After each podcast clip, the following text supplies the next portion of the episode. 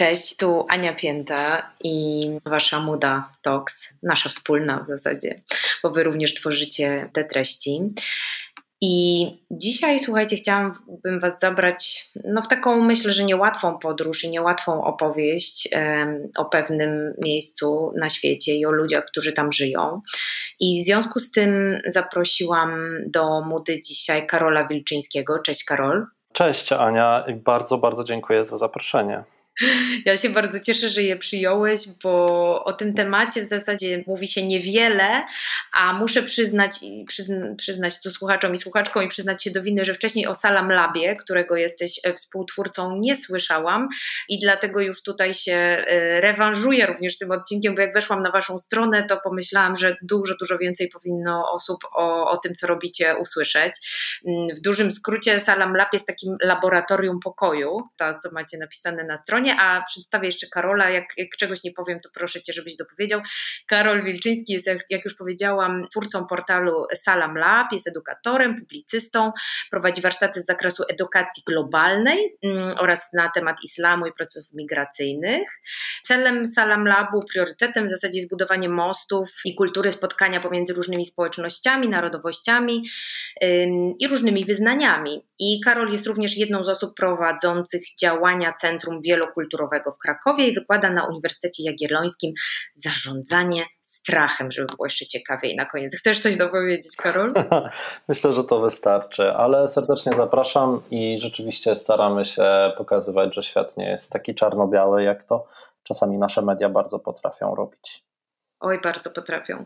E, mieliśmy tutaj długą wstępną rozmowę, zanim zaczęliśmy to nagrywać, e, właśnie i o tych mediach, i o tym, i o tym, jak w ogóle sobie dzisiaj w tym świecie poradzić. I rozmawialiśmy też o tym, że przecież nie jesteśmy Ujgurami i Ujgurkami, więc nie mamy aż tak ciężko i że, że pewnie i tak jesteśmy porównaniu z nimi y, otoczeni jakąś folią bąbelkową i jest nam super, y, pomimo tego, jaki świat dzisiaj w Polsce i jaka sytuacja polityczna nas otacza. No i właśnie w związku z tymi Ujgurami i Ujgurkami dzisiaj się mm, spotykamy. Ostatnio było parę tekstów, y, je moja bardzo dobra znajoma zrobiła o tym też stories na Instagramie. Dotyczyło to mm, głównie uprawy bawełny i tego, że większość bawełny, której używamy na świecie, pochodzi pochodzi właśnie e, z terenów, na których mieszkają Ujgurzy i Ujgurki, ale chciałabym, żebyśmy lepiej zrozumieli złożoność tej, tej, tej sytuacji, może nie tyle złożoność, ale mm, jakieś jej źródło, o, może tak, i korzenie, żebyś więcej nam w ogóle powiedział o tym, kim są Ujgurzy i Ujgurki, jakąś, żebyśmy spróbowali narysować cały krajobraz tego, gdzie oni mieszkają. Ja przeczytałam, że to jest powierzchnia 8 razy większa niż Niemcy, no i właśnie w związku z tym być może tutaj Chinom y, chodzi o jakieś strategiczne położenie tej części Chin. Także jakbyś mógł nas w to wprowadzić, byłoby świetnie. Super. E, ja uwielbiam geografię i historię, więc rzeczywiście może pozwolę sobie na taki dłuższy wstęp. Polecam też wszystkim słuchaczkom i słuchaczom otworzenie sobie mapy na Google Mapsie i zobaczenie, jak duży jest, e, duża jest prowincja Xinjiang. To jest największa prowincja e, chińska, licząca 1,6 miliona kilometrów kwadratowych, ale jest zamieszkana tylko przez 25 milionów osób. I dlaczego tak jest? Bo 1 czwarta e, tego terytorium to jest ogromna pustynia Taklamakan, e, bardzo ciekawy w ogóle kawałek świata, a z drugiej strony tam są ogromne góry Tien Shan, które się ciągną e, od, od samego krańca prowincji aż po Azję Centralną, tam wchodzą właśnie w Tadżykistan, w Kirgistan. E, to są jedne z największych gór e, na świecie. E, dlatego ten, ten rejon jest po prostu tak słabo, tak słabo zaludniony. Natomiast jest to bardzo ciekawy kawałek świata, bo jak właśnie rzucicie okiem na mapę Azji, to zobaczycie, że to jest dokładnie taki środek, nie? czyli tam łączą się wszystkie szlaki handlowe. Tam się łączy, przez ten teren muszą przebiegać wszystkie wszystkie, nie wiem, drogi e, łączące Rosję od północy, Indię od południa, Chiny od, od wschodu i, i wszystko, co jest na zachód, między innymi Europę, no bo to jest właśnie ten teren, przez który przechodził szlak jedwabny. Tak jak wspominałem, ta pustynia Taklamakan jest bardzo ciekawa, tam odnajduje się niesamowicie ciekawe znaleziska archeologiczne. Tam łączyło się ten właśnie świat powiedzmy wschodu i zachodu, tam łączyły się wpływy buddyjskie i greckie, e, islam, chrześcijaństwo, bo też tam właśnie były misje chrześcijańskie w VIII-IX wieku.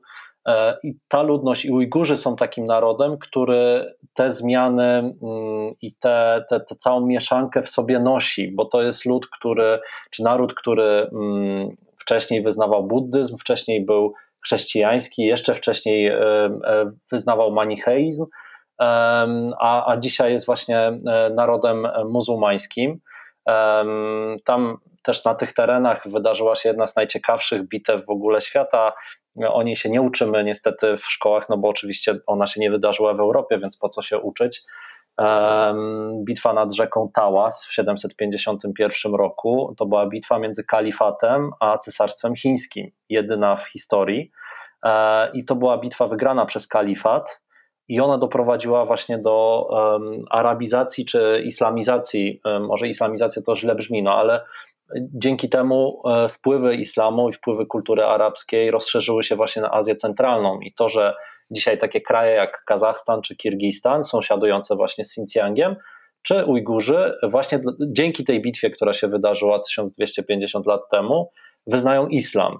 E, to była zresztą bitwa, w czasie której, przynajmniej tak mówią legendy, Arabowie przejęli bardzo wiele wynalazków e, z Chin, dzięki czemu e, byli je w stanie potem no, przekazać dobrowolnie lub czasami nie do Europy. Wynalazki typu papier czy, czy różne mm, tego typu rzeczy, które zdobyli po prostu po, po tej bitwie.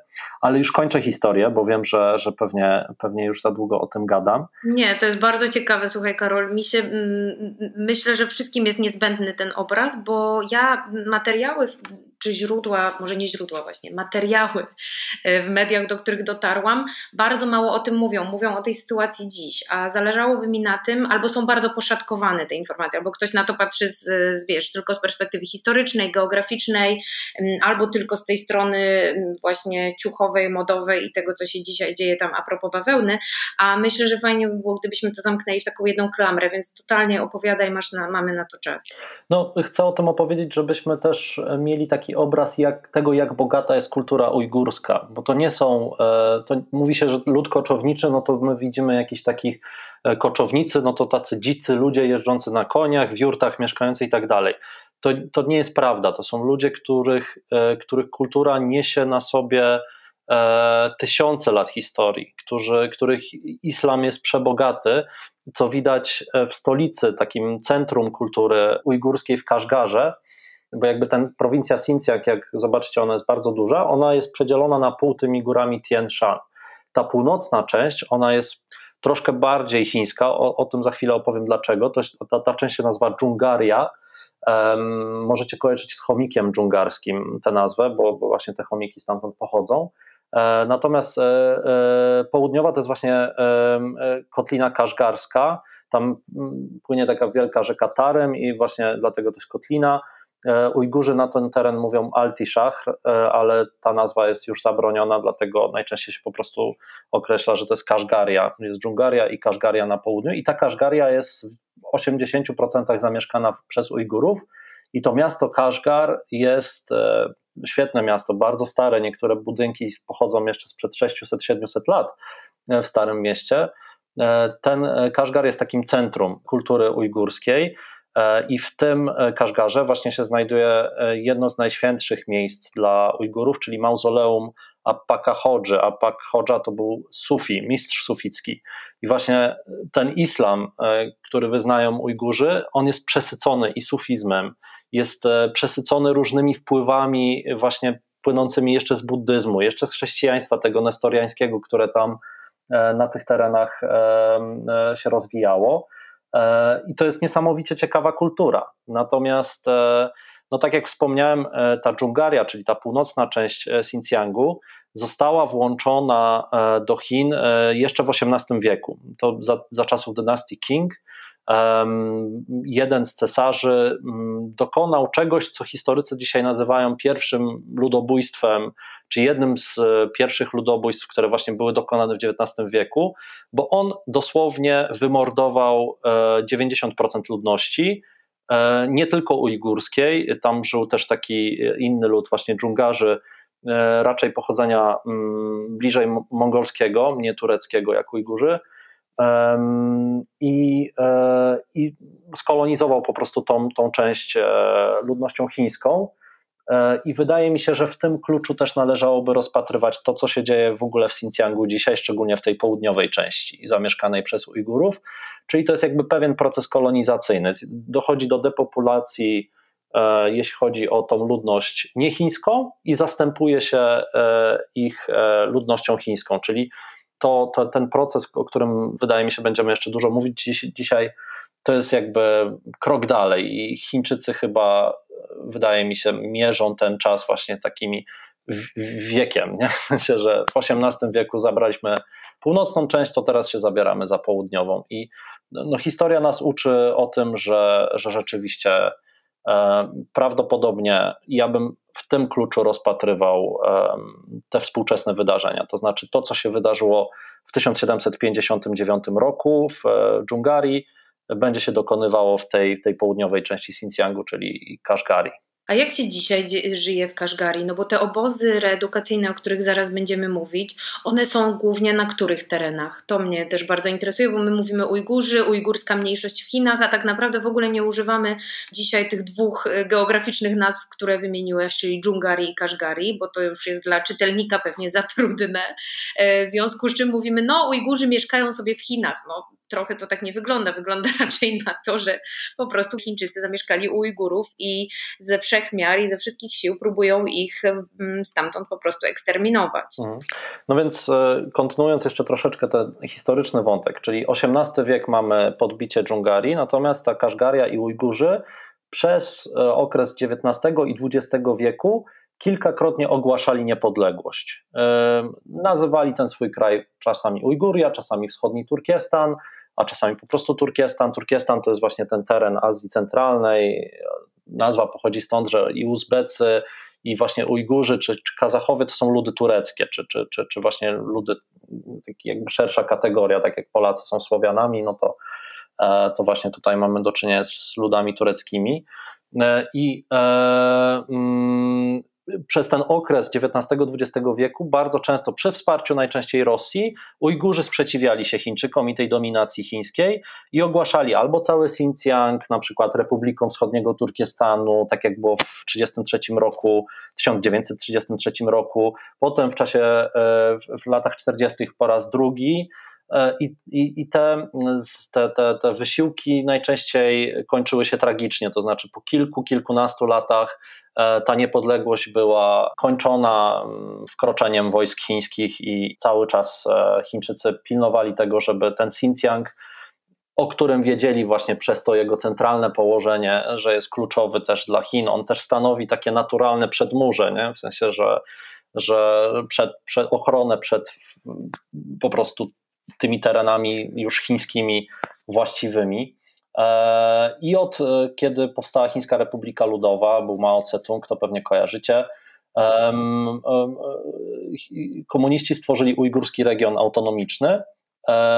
Mm, I tam ta sytuacja była cały czas dosyć ostra, to znaczy Moskwa, czyli Związek Radziecki i Pekin cały czas rywalizowały i no w tym Xinjiangu nie było no, cały czas było gorąco, cały czas były podsycane takie mm, no, te niepodległościowe tendencje, które służyły Rosji czy, czy Związkowi Radzieckiemu, a, a, a przeszkadzały mm, Pekinowi.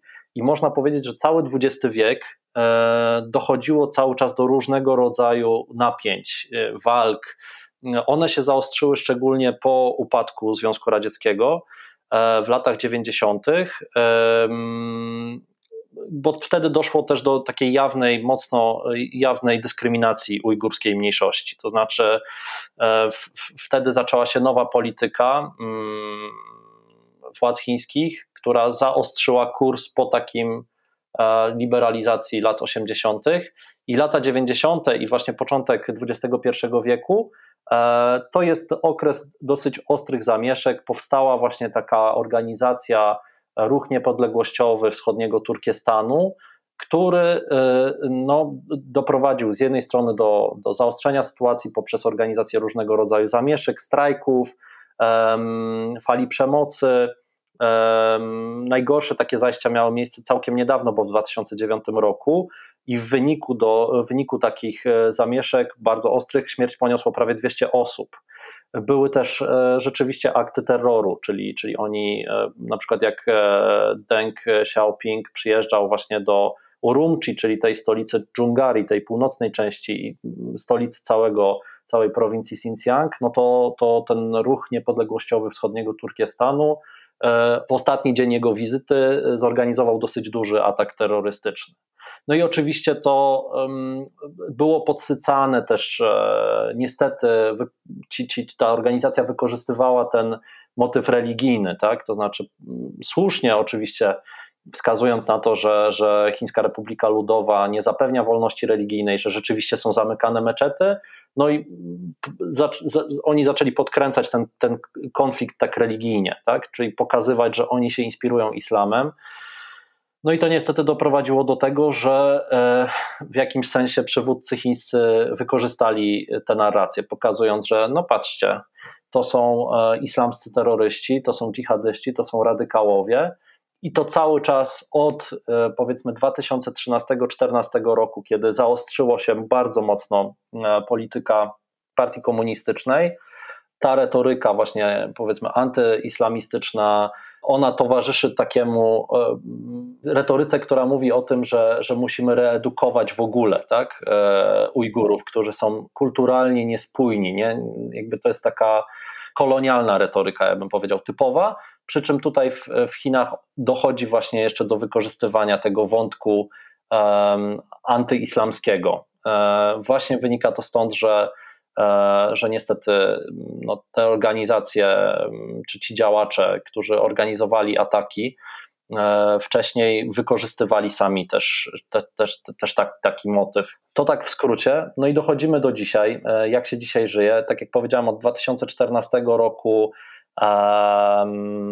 no, Chiny chcą doprowadzić do takiej stabilizacji i ujednolicenia społeczeństwa. E, I e, w Xinjiangu dochodzi do szerok, no, szeroko zakrojonych akcji dyskryminacyjnych, czyli przymusowa sterylizacja kobiet, przymusowa praca, obozy reedukacyjne. Co najmniej jeden milion osób, Ujgurów. Ja nie wspomniałem w ogóle, ile ich dzisiaj jest, ale to no nie właśnie. są duże liczby, bo ja powiedziałem, że w Xinjiangu żyje 25 milionów osób z tego około 11-12 milionów, czyli nieco poniżej połowy, to są, to są właśnie Ujgurzy.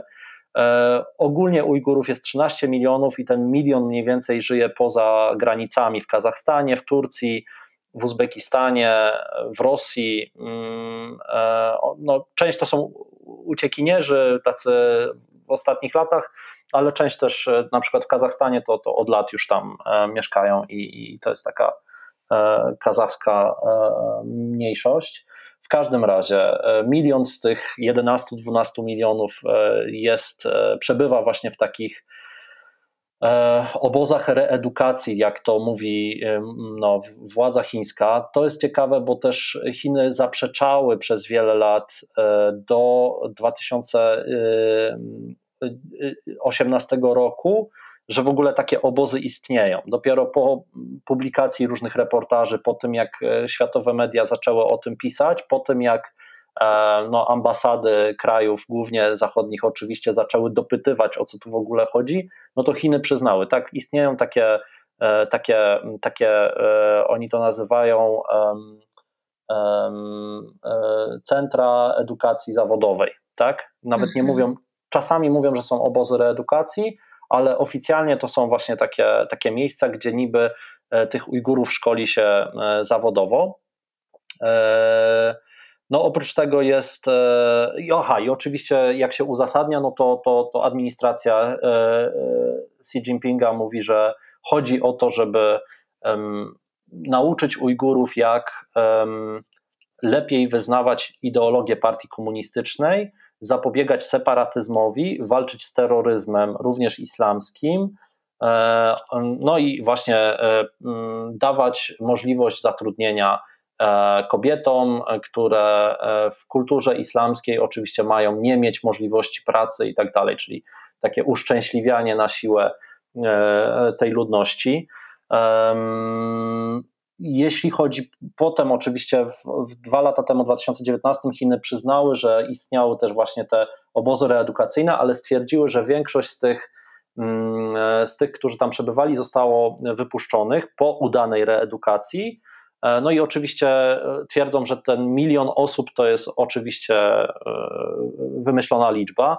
Natomiast ten e, milion osób oczywiście to jest, e, to jest, e, to są dane szacunkowe, które pochodzą z źródeł różnych NGO-sów i, i raportów sponsorowanych głównie przez kraje Zachodu, co oczywiście wykorzystuje chińska propaganda.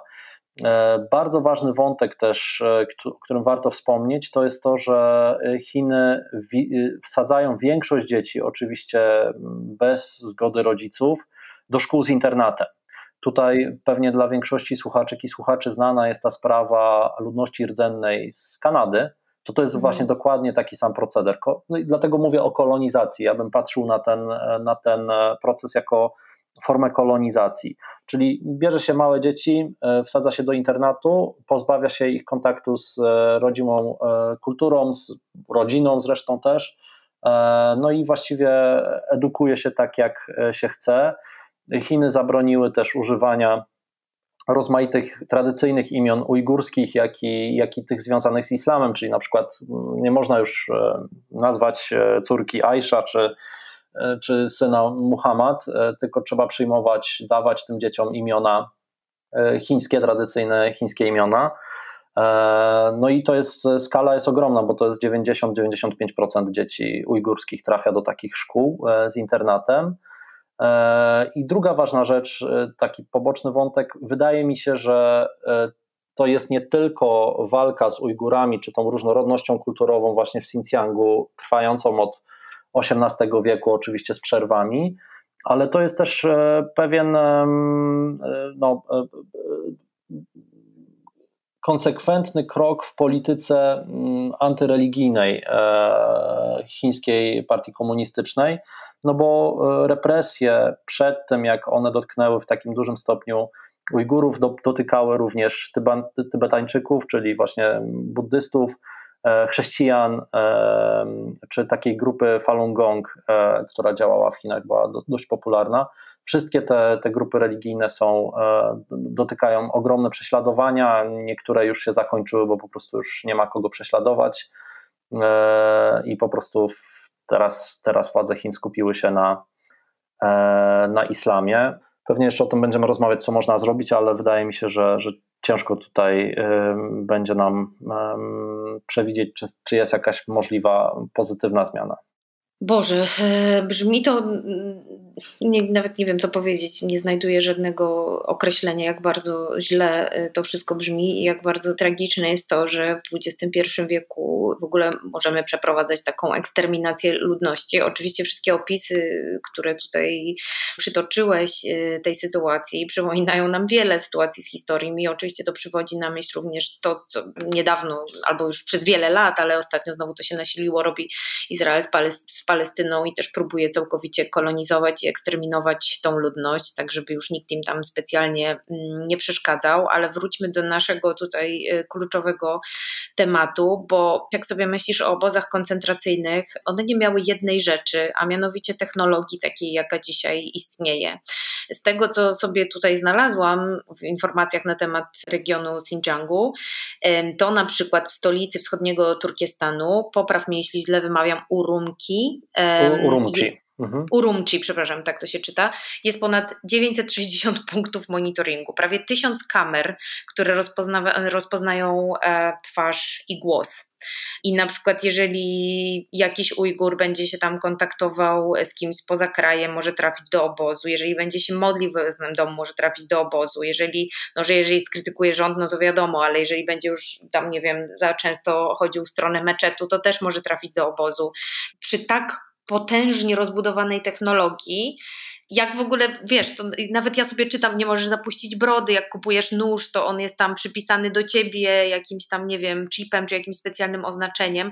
Jak w ogóle jeszcze w takim systemie stawiać jakikolwiek opór, bo ja bym chyba nie stawiała już. W sensie, jak sobie myślę o tym, jak mocno to jest ztechnologizowane i skatalogowane i, i jak ogromna jest ta inwigilacja, to ja nawet nie wiem, czy tam jest czy tam jest w ogóle jakakolwiek możliwość, aż się dziwię z tych artykułów, które teraz czytam, jest bardzo duży też reportaż, bardzo polecam na y, WTV przez y, Maję Staśko i Maxa Tomanka zrobiony, oni podobno pół roku nad tym pracowali i rozmawiali z kilkoma uciekinierami z obozów ujgurskich, którzy na przykład nie mogą się już kontaktować ze swoimi rodzinami, bo usłyszeli groźby, że jeżeli będą się kontaktować, to coś złego stanie się tej, tej rodzinie, oni nawet nie wiedzą, czy te rodziny żyją.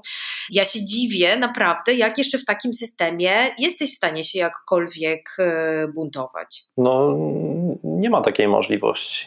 Tutaj z tego, co czytam, wyliczono sobie, bo oczywiście, tak jak mówiłeś, ludność jest sterylizowana, kobiety są gwałcone, są zmuszane do małżeństw z Chińczykami, żeby też po prostu się całkowicie wymieszali. I w zasadzie w jednym z tekstów znalazłam, że za 20 lat Ujgurów w ogóle już może nie być. Mhm. No tak, bo no jeśli tej ludności Han, Chińczyków jest około miliarda, no to, to wiadomo, że, że 11-milionowa ludność to jest jak kropla w oceanie i, i to tak jak z Tybetańczykami, to znaczy jedyną formą oporu jest wyjazd za granicę, ucieczka i no, ale ci, co mają rodzinę w, w środku zostawioną, no to, to będą się bać nadal o, o los tej rodziny, więc e, ich usta też są zamknięte. I, wiadomo, są takie stare, dobre w cudzysłowie dyktatury jak Białoruś, E, czy, czy Syria, gdzie powiedzmy to użycie technologii jeszcze nie jest na taką skalę. Natomiast Chiny, w, e, no, jeśli chodzi o inwigilację swoich obywateli, obywatelek, bo to nie dotyczy tylko Ujgurów, tylko całej ludności Chin, no to jest dystopijna rzeczywistość. Nie? To jest jakby przerwanie tego w tym momencie byłoby bardzo trudne I, i, nie wiem, jeśli ta partia nie upadnie, a nie sądzę, żeby, żeby tak się wydarzyło, no to niestety no, Chiny będą w tym kierunku dążyć. Ja może jeszcze, ja nie jestem pewien, wiesz, jakby mm, co do tych gwałtów, czy e, czy różnych rzeczy, o których mówiłaś z tymi nożami, ja, ja, ja nie jestem pewien, bo to jakby jest właśnie ten problem dezinformacji, to znaczy są niestety organizacje prawdopodobnie pro-ujgurskie, które różne rzeczy mogą niesprawdzone też podawać do wiadomości, natomiast e, e, na pewno jest tak, że oprócz tych rzeczy, których powie, które powiedziałem, no to wiele organizacji i wielu działaczy niezależnie też e, potwierdza, że wszystkie praktyki religijne muszą mieć miejsce w tych rządowych meczetach, tak? czyli takich meczetach, które są wpisane na listę jako takie lojalne. To samo dotyczy, nie wiem, właśnie kościołów czy, czy e, stóp buddyjskich. 16 tysięcy meczetów e, zostało zamkniętych jak dotychczas, dotychczas od 2014 roku. Skala jest ogromna. I oczywiście władze tłumaczą, że to wynika z tego, że ludność jest e, uczona ideologii partii komunistycznej i po prostu traci wiarę, tak? w sensie już nie chce praktykować religii. E, w ogóle e, dzieci nieletni do 18 roku życia nie mogą wchodzić do meczetów, nie mogą się modlić. Nie można analizować tekstów religijnych, nie można się cały czas e, na, na tych spotkaniach w meczetach są obecni przedstawiciele rządu czy przedstawiciele władz, którzy po prostu słuchają, czy wszystko jest prawomyślne. E, kobiety nie mogą nosić e, hijabów, e, właśnie tak jak powiedziałeś, mężczyźni na pewno nie mogą nosić brud. Najlepsze jest to, że są kary za to, że nie, nie słucha się państwowej telewizji lub radia i nie mogą mieć więcej niż jedno dziecko, ujgurskie pary. Także to, to, są takie dane, które ja wyjąłem, z, polecę oczywiście na końcu, pewnie będziemy mogli podać link e, w opisie mhm. do takiego um, raportu stworzonego przez australijską organizację pozarządową. Um, natomiast najgorsza rzecz, um, rzeczywiście jest tak, że kobiety Ujgurki są przekonywane, nie wiem czy są zmuszane do tego, żeby wychodzić za mąż za Chińczyków, ale na pewno są jakieś nagrody czy jakieś rządowe gratyfikacje otrzymują za to, jeśli, jeśli mają dzieci i żenią się z mężczyznami Chińczykami. Natomiast e, rząd sponsoruje, mm, no, czy, czy, czy wspiera taki program, e, że w każdym mieszkaniu Ujgurów mieszka w cudzysłowie gość.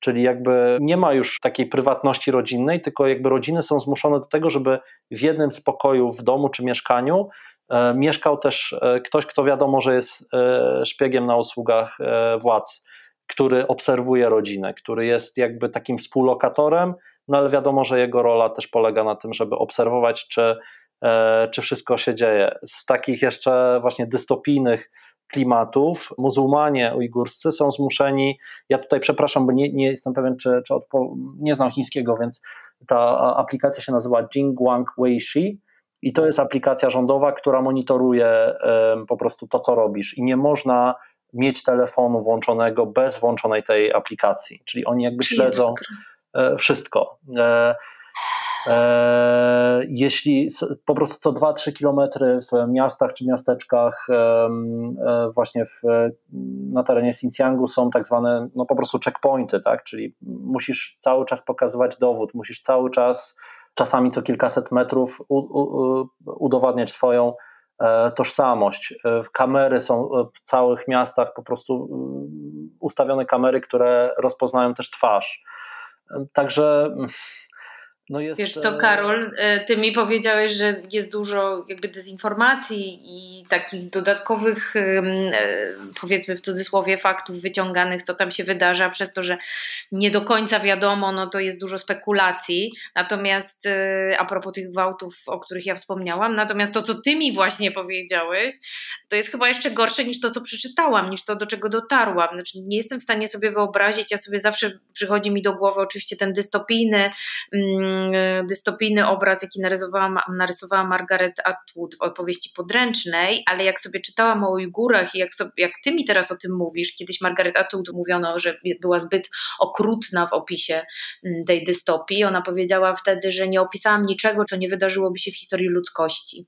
Mhm. I to, co ty mi mówisz o traktowaniu e, Ujgurów, jest dla mnie jakieś 10 razy gorsze niż, niż e, może poza oczywiście sytuacją kobiet, ale mówię o tej totalnej, ale absolutnie totalnej kontroli, jest dla mnie dużo gorsze niż to, co opisała Margaret Atwood. Nie mogę uwierzyć, znaczy nie mogę uwierzyć, mogę w to uwierzyć, bo wiem, do czego ludzie są zdolni, ale nie mogę też uwierzyć w to, że na przykład właśnie narzędzia, jakie dzisiaj mamy i też jednak coś takiego, co teraz mi w ogóle nawet to pojęcie nie przechodzi yy, przez usta, ale demokracja, jakby inne ustroje polityczne niż tylko yy, to, co reprezentują sobą Chiny, istnieją na świecie i różne organizacje służące do nacisku, i również technologia, i my się po prostu na to wszyscy na, od, od najniższego do najwyższego szczebla absolutnie godzimy. Mhm. Wspomniałeś o tej organizacji australijskiej, która wydaje raporty na temat Ujgurów. Ja również nie dotarłam do innego źródła niż do tego i zastanawiam się, jak to jest możliwe, że na całym świecie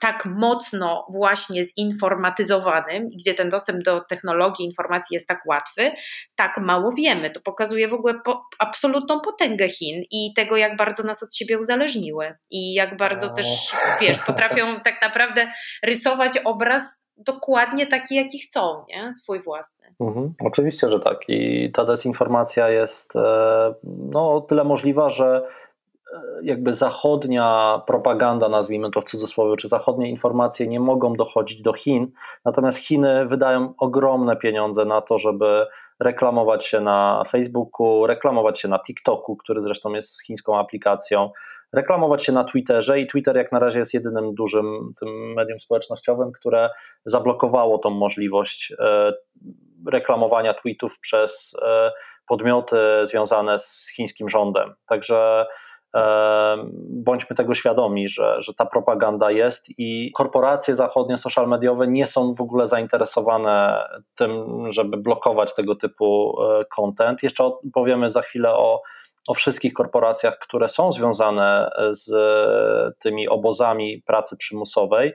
Ja chciałem tylko jeszcze jedną daną bardzo ciekawą e, podać, bo jakby tworzymy ten raport i skąd bierzemy informacje. Oczywiście część dziennikarzy jedzie do Xinjiangu, ale no od 2016 roku zdecydowana większość z nich nie otrzymuje zgody, czyli jakby nawet jeśli dostają zgodę, to to, to są oczywiście, to jest towarzysz z partii, który pokazuje od, właściwy obraz rzeczywistości i te wizyty nie, nie na wiele się zdają.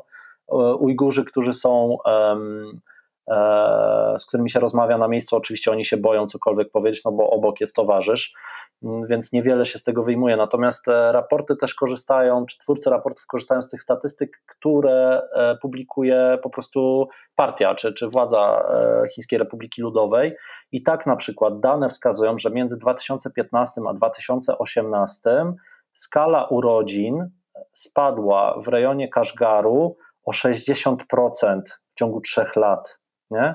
czyli było 60% mniej narodzin e, między 2015 a 2018 i oczywiście to dotyczy całego kraju. E, w całym kraju ta, skala, ta, ta, ta, ta liczba urodzin też spadła, ale o 10%, nie? czyli um, jest ogromna różnica e, i, i no, to są dane publikowane oficjalnie przez władze chińskie. I na tej podstawie też możemy mm, no, mierzyć jakby skalę tego, co się dzieje właśnie na poziomie już w ogóle nie nawet prowincji Xinjiang, tylko na, na poziomie tych konkretnych, dajmy na to, powiatów, tak, czy tych, tych, prowin, tych podprowincji właśnie, bo, bo to dotyczy Kaszgaru, czyli tej najbardziej ujgurskiej części e, Xinjiangu. Najbardziej chyba kluczowa rzecz, o jaką chciałam Cię zapytać, to teraz w takim razie mm, o w ogóle produkcję rzeczy w Chinach. I z tych danych, które znowu wybuchły jakiś czas temu tutaj na naszym mikropolskim poletku, um, najwięcej informacji dotyczyło tego, jak mamy krew na rękach z powodu ubrań um, i tego, że większość bawełny um, pochodzi właśnie z regionu Xinjiang, bawełnianych rzeczy. E, ale a, a zdarzyło się to w związku z tym, że bardzo głośno i wyraźnie duży duża szwedzka sieciówka e, zbojkotowała w ogóle mm, bawełnę z Xinjiangu i powiedziała nie, my już w ogóle stamtąd nie będziemy brali bawełny, ona jest B, nie chcemy wspierać niewolnictwa i tak dalej. Za nią poszły inne marki typu właśnie Inditexy, wszystkie znane nam z, z naszych ulic, y, hiszpańskie marki i nie tylko. Powiedzieli, że nie wspierają niewolniczej pracy i tak dalej, odnosząc się właśnie do obozów reedukacyjnych. Po czym Znowu tutaj Chiny pokazały swoje wielkie szpony i swoje ogromne zasięgi i zbojkotowały ową sieciówkę na swoim terenie, e, czyli po prostu zablokowali ją w internecie. Jakieś tam chińskie celebrytki i gwiazdy też powiedziały, że nie będą tam kupować, no więc wiadomo, dla takiej firmy jest to ogromny cios. E, wszystkie firmy dodatkowe, które wcześniej e, zapowiedziały, że nie będą, nie będą brały, nie będą popierały niewolniczej pracy, pracy oczywiście usunęły te informacje szybciutko ze swoich mm. stron internetowych. Mm, no i ostatecznie szwedzka sieciówka, zresztą mogę powiedzieć, wiadomo o co chodzi, o HM, e, też się z tego wycofała. Nie wiem, jak to wygląda dzisiaj, ale informacja na ten temat z ich strony również zniknęła. I teraz y, ja nie mówię, że ty tu nas, y, czy ty nam opowiesz więcej o tej sprawie, tylko bardziej o tym, czy tylko ciuchy mają tą krew na rękach, czy Chińczycy po prostu tak bardzo nie chcą, żeby się ta przymusowa praca zmarnowała, że po prostu ci ludzie produkują wszystko, a wiemy, że w zasadzie dzisiaj z Chin jest absolutnie każda rzecz. W ogóle jak to mhm. sprawdzić? Czy, czy mhm. jakiekolwiek narzędzia do tego? Jest raport e, tego Australian Strategic Policy Institute, który szacuje, że 80 tysięcy Ujgurów zostało wywiezionych z Xinjiangu do fabryk na terenie tych Chin właściwych e, i tam pracuje w różnych fabrykach i to nie dotyczy, głównie to dotyczy, bo to jakby jest problem tej bawełny produkowanej w Xinjiangu, ale generalnie produkcja bawełny jest, e, powiedzmy, nie jest zbyt sprawiedliwa, bo nawet jeśli ona pochodzi z Uzbekistanu, bo właśnie ta Azja Centralna tak. jest takim idealnym terenem do hodowli bawełny, no to nawet w Uzbekistanie też przymusowa mhm. jest praca dzieci i tak dalej, więc generalnie bawełna, chociaż fajny materiał i spoko, no to, to trzeba być świadomym, że no niestety bardzo często pochodzi ona z e, takich nieuczciwych źródeł.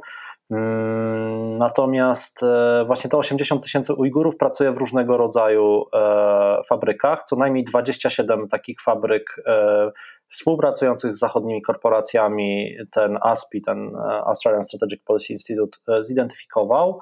No i tutaj są te marki takie jak Abercrombie Fitch, Adidas, Fila, Gap, H&M, Inditex, czyli to jest, ja nie wiedziałem, ale Inditex to jest Zara, Pull&Bear, Bershka, Stradivarius, Oysho, Zara Home, Massimo Dutti, Nike, Puma e, i jeszcze jest Uniqlo, ona chyba jest u nas mało jeszcze e, i North Face, tak. e, mało znana, są buty Skechers, więc to są wszystkie te firmy, które mm, no, kupują ubrania czy, czy produkty E, powiedzmy odzieżowe, obuwnicze z tych fabryk, gdzie pracują niewolnicy ujgurscy, ale tak jak mówiłem, to też dotyczy elektroniki. Apple jest e, takim, mm, produkcja w fabryce, która się nazywa Foxconn, tam jest produkowana połowa iPhone'ów na świecie, ale też drukarki Sharp, HP, e, produkty Nintendo, Xiaomi, Google, Microsoft tam produkuje i tam pracuje 500, w tej fabryce pracuje 500 Ujgurów i na przykład Apple w ogóle nie odpowiedział na ten raport. Są firmy, mm. które gdzieś tam się wskazały, że, że nie, że nigdy, że nikt nie kupujemy i tak dalej. H&M miało taką najbardziej poważną odpowiedź i tutaj się należy oczywiście jakby, no fajnie, że, że tak zareagowali. E, reszta się wypiała, powiedziała, że nigdy wbrew jakby temu, co ten raport stwierdził, nie kupowała i nie będzie kupować, ale też nie ma na to dowodów. E, natomiast na przykład Apple w ogóle nie zareagował. Mimo, że wiadomo, że 500 niewolników pracuje w fabryce, gdzie jest produkowana połowa iPhone'ów świata. Nie? Znaczy jakby bardzo ciekawe jest to, jest e, fabryka, która się nazywa Hubei Haishin Protective Products i tam jest produkowane 60% chińskich masek, które trafiają do Europy. To są te maseczki, które my nosimy teraz antykoronawirusowe. Jak kupicie sobie maseczkę, zobaczcie, czy to jest Hubei Haixin, się pisze Haixin E, e, możecie sprawdzić, czy jest taki napis na ten, no to znaczy, że to prawdopodobnie wyprodukowali niewolnicy ujgurscy. Możesz to przeliterować jeszcze, Karol, Hubei i to drugie? Hai Xin. Hai Xin. Okay. Plastikowe produkty w Zaoxing Outdoor Gears fabryka, e, tam pracuje, to fajnie nazwano, 99 absolwentów szkół zawodowych. Tam są produkowane baterie do naszych iPhone'ów. E, fabryki zdrowego jedzenia i suszonych owoców, czyli takich produktów, które są w stanie być przewiezione morzem, jeśli pochodzą z Chin, to prawdopodobnie też były w takiej fabryce produkowane. Różnego rodzaju tarasy, huśtawki, czy takie produkty na taras ławki, baseny, takie wiecie, co w ogródku się stawia, e, które produkuje firma Bestway. E, I te produkty są sprzedawane w sieciach Leroy Merlin, Castoramie i Makro. E, i generalnie też elektronika wszelkiego rodzaju. I tutaj jakby autorzy tego raportu, który bardzo polecam przeczytać, ale on jest dość długi, no przyznają, że nie są w stanie zidentyfikować wszystkich. Natomiast tam pracują tysiące e, e, tych niewolników, nazwijmy to po imieniu, tak naprawdę, Karol, wymieniłeś w zasadzie absolutnie wszystkie marki, takie najbardziej popularne, jakie nas otaczają. I znowu y, cała odpowiedzialność, wyrzut sumienia, poczucie winy jest zrzucone oczywiście na tego ostatniego konsumenta, jeżeli w ogóle ma takie refleksje. Mm, czy ty na przykład sam osobiście bojkotujesz na przykład wszystkie te marki? Jak czujesz, że moglibyśmy się przed czymś takim bronić? Znaczy, problem jest taki, że te rzeczy są, jakby ci ludzie, te 100 tysięcy czy 80 tysięcy ludzi zostało wywiezionych do, do, do fabryk chińskich po prostu na terenie Chin. To jakby to już nie, nie jest problem Xinjiangu. Ci ludzie po prostu są uwięzieni poza swoją ojczyzną i jakby to dotyczy wszystkich chińskich fabryk i wszystkiego, co ma napis Made in China. I jakby mhm. jak ja sobie z tym radzę, no ja od, od kiedy pamiętam ubieram się w second handach i, i jedyne co kupuję nowe, no to są, e, to są buty, ale staram się, znaczy nigdy nie miałem butów Adidasa czy Nike, Kupuję najczęściej e, tutaj polskich e, firm e, buty, hmm. których jest całkiem sporo i jeszcze można, można jakoś wspierać lokalne, lokalnych no, szewców i krawców. Znaczy też bardzo często szyję ubrania, w sensie jak mam garnitur, to, to po prostu szyję i i to jest zakup na lata i wiem, że to po prostu pójdę do pana czy pani i ona mi to naprawi jak coś i, i no, staram się żyć w taki sposób i moim zdaniem to jest jedyne rozwiązanie, które my jako konsumenci możemy zrobić i nie jestem specjalistą, ale no, żyję w takim szwedzkim modelu, że jednak ta indywidualna odpowiedzialność też jest ważna. Tak, jakby odpowiedzialność całkowicie praktycznie spoczywa na wielkich korporacjach, szczególnie naftowych, za produkcję e, gazów cieplarnianych i tak dalej, ale my też możemy coś zmieniać. Ja wierzę, że każdy z nas i każda z nas może chociaż ten, jakby ten kroczek do przodu też e, postawić i pokazywać, że no kurde, sieciówki przecież te, w ogóle te ubrania są tak słabej jakości, że szkoda gadać, nie? Więc... Tak, tak, wiesz to natomiast ja biorę właśnie do, do ręki, wiesz, swoją super butelkę yy, na wodę, za którą zapłaciłam naprawdę niemało, bo też chciałam, żeby była na lata i też ma napisane Made in China i teraz masz rację to, co mnie poprawiłeś z tym Xinjiangiem i teraz tak naprawdę yy, tutaj to nie jest usprawiedliwienie dla tych firm, ale pewnie, wiesz, no wrzucenie tych ludzi w kilkaset czy kilkadziesiąt fabryk na całym terenie Chin też powoduje, że oni powiedzmy, no może tego nawet nie wiedzą po prostu, tak? Oni zostali kompletnie gdzieś tam wymieszani, a z drugiej strony nie mogę się pogodzić z tym, że z jednej strony technologia pozwala ich totalnie zinwigilować, a z drugiej strony technologia e, nie może tego, że tak powiem, odkodować, tak? Czyli jakby, okej, okay, skoro oni są tak zewidencjonowani jak zwierzęta po prostu skalogowani czy rzeczy, no to możesz się bardzo dokładnie dowiedzieć, czy w twojej fabryce pracują mhm. tacy ludzie. Z trzeciej strony, oczywiście, żeby jeszcze bardziej złożyć ten problem, no to pytanie, czy czy tylko bojkot y, jest wyjściem, y, no bo wiemy, jak, jaką potęgą są Chiny, ale też czy w ogóle z tym krajem da się jakkolwiek negocjować, czy odpowiedzią nie jest po prostu myślę, że pandemia też była na to dobrym przykładem, powrót coraz bardziej do naszych małych, lokalnych rynków. Mhm. E, i, I wiesz, i jednak po prostu nagle się okazuje, że to jest moja sytuacja sprzed pandemii, wymiana szybki w punkcie w Warszawie nie jest możliwa, ponieważ w Wuhanie wybuchł wirus. I pan mówi, mhm. spoko, za dwa tygodnie przyjdź, to ci wymienimy, bo to się szybko skończy. I mamy dwa lata później e, i ja sobie myślę, kurde, po prostu to jakbym miała napisać opowiadanie o pandemii, to by się zaczęło od stłuczonej szybki. To jest dla mnie żadnym problemem, bo ja z tą stłuczoną szybką zachodziłam dwa lata, ale bardziej chodzi mi o to, że wymienienie tej szybki było niemożliwe, ponieważ ona może jest produkowana tylko w Chinach. Mhm. No tak, znaczy wiesz, ograniczenie konsumpcji jest e, bardzo dobrym rozwiązaniem i jakby nie, nie musimy kupować nowych rzeczy, a jak już musimy kupować nowe rzeczy, to powinna istnieć polityka ogólnoeuropejska, która informuje e, konsumenta, słuchajcie, ta rzecz została wyprodukowana w Chinach, ta rzecz, na przykład IKEA sprowadza drewno z Białorusi. Nie? Czyli jakby też i, i, kto o tym wie? Przecież IKEA jest taka fajna, szwedzka i w ogóle, tak. nie? A, a, a, a przecież skąd wiesz, czy, czy twój nowy stolik, czy nowe krzesełko, które kupiłaś w Ikei, e, która się wydaje taka fajna, e, nie, nie zostało wyprodukowane przez więźniów opozycji białoruskiej. Tak, e, e, nie? E, tak. Więc e, moim zdaniem no, Stany Zjednoczone tak to rozwiązały, to znaczy zbojkotowały w ogóle te fabryki, te, to jakby zakazały sprowadzania. Oczywiście to jest jakby element zagrywki y, amerykańsko-chińskiej, ale, ale jeszcze za Trumpa e, jakby taki bojkot e, nastąpił i on trwa do dzisiaj. No i u nas w Europie Unii Europejskiej e, dwóch e, członków Parlamentu Europejskiego, Hilde Woutmans i Katalin Czech. Katalin Czech, zresztą Węgierka e, z ruchu Momentum, dlatego warto wspomnieć. Oni jeszcze w lipcu 2020 roku napisali długi list do wiceprezydenta Komisji Europejskiej, żeby mm, no, ukarać Chiny za łamanie praw człowieka Ujgurów i obywateli Hongkongu.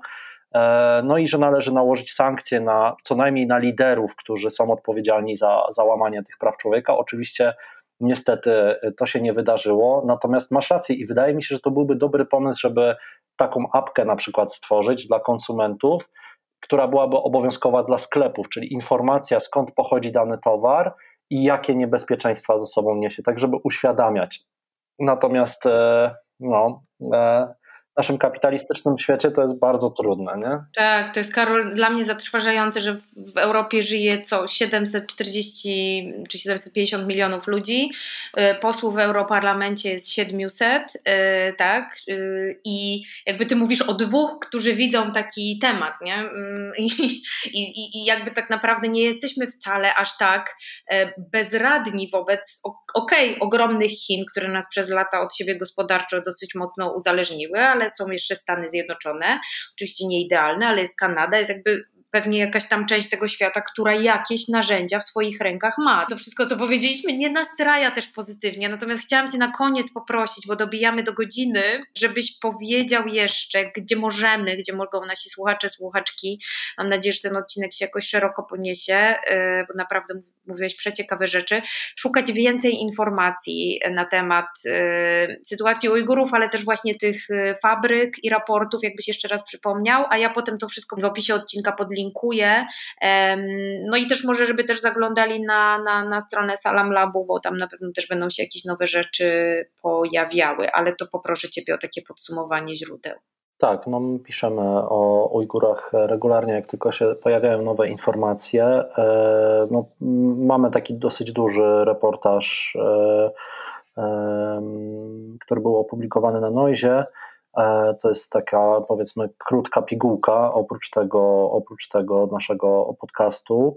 E, polecam właśnie ten raport ASPI. Polecam książkę, ona jest dosyć słabo dostępna. Wydawnictwo Czarne to wydało bodaj 10 lat temu, Szturmując Niebo.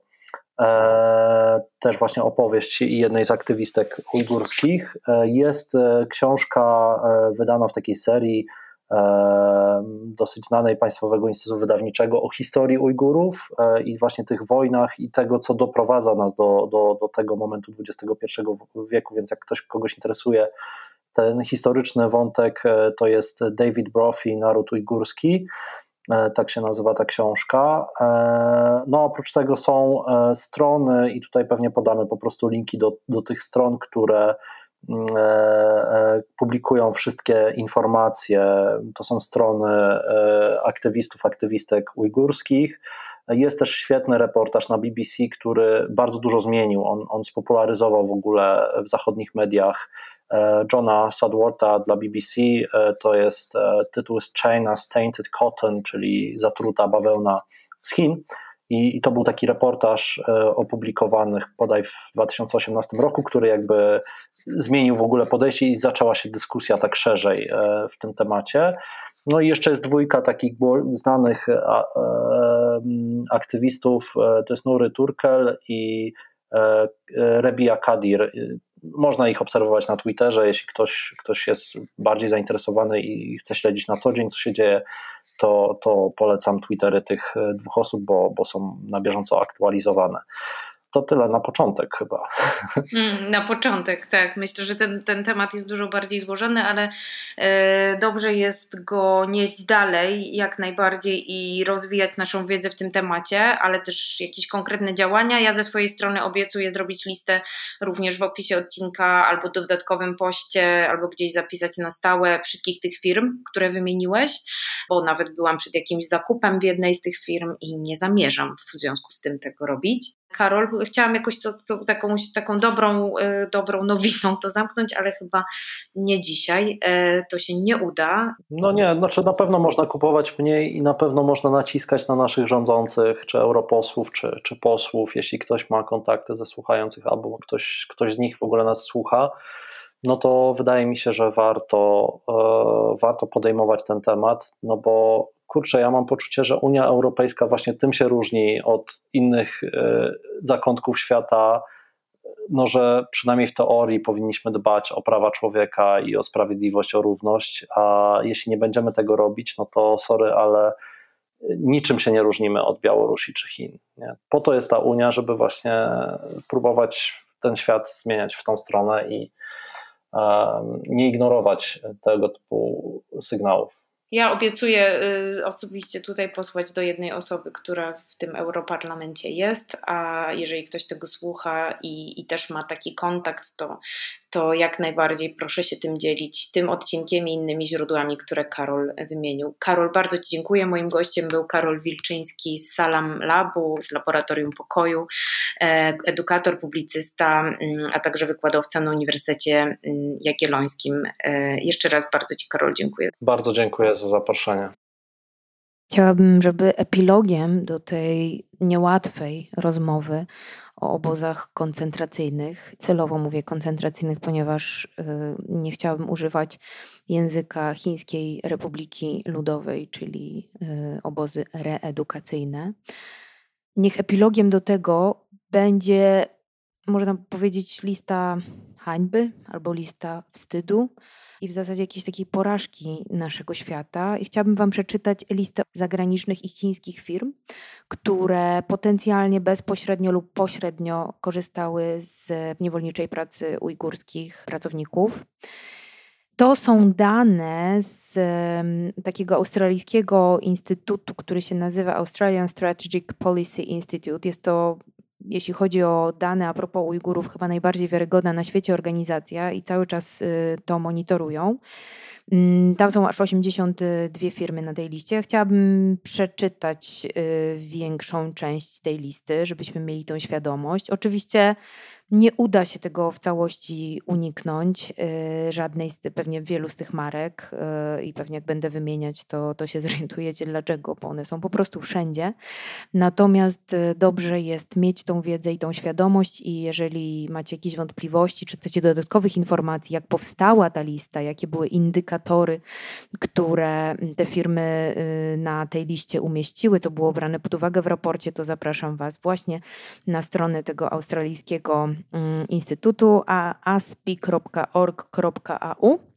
i tam możecie ściągnąć 90 y, mega y, raportu o niewolniczej pracy Ujgurów. No i tak, dane opierają się na opublikowanych listach dostawców, doniesieniach medialnych oraz deklarowanych przez fabryki dostawcach. Tam, gdzie firmy odpowiedziały przed publikacją, Instytut zamieścił odpowiednie wyjaśnienia w tym raporcie. Jeżeli jakiekolwiek odpowiedzi firm zostałyby udostępnione po publikacji raportu, raport jest z zeszłego roku, to y, Instytut tam wrzuca aktualizacje i się na bieżąco do nich online odnosi. A ja wymieniam już te marki po kolei alfabetycznie. Abercrombie Fitch, Acer, Adidas, Alstom, Amazon, Apple, Asus, y, Bike Motor, Bestway, BMW, Bombardier, Bosch, BYD, Calvin Klein, Candy, Carters, Ceruti, 1881, Shangan Automobil, Cisco, CRRC, Dell, Electrolux, Fila, Founder Group, e, GATS Group, samochody, GAP, e, Gili Auto, General Motors, Google, Gortek, H&M, Haier, Hart, Scheffner, e, Marks, Hisense, Hitachi, HP, HTC, Huawei, iFlyTech, Jack Jones, Jaguar, mm, Japan Display, LL Bean, Lacoste, Land Rover, Lenovo, LG, Li-Ning, Major, Meizu, mm, Mercedes-Benz, MG, Microsoft, Mitsubishi, Mitsumi, Nike, Nintendo, Nokia, Oculus, Oppo, Panasonic, Ralph Lauren, Puma, Psych Motor, Samsung, SGMV Sharp, Siemens, Skechers, Sony, TDK, Tommy Hilfiger, Toshiba, Tsinghua, Tonfang, Uniqlo, Victoria's Secret, Vivo, Volkswagen, Xiaomi, Zara, czyli cała grupa Inditex i wszystkie marki, które w nią e, w skład tej grupy wchodzą, Zenia, i ZTE. Niektóre z tych marek powiązane są e, z wieloma e, fabrykami.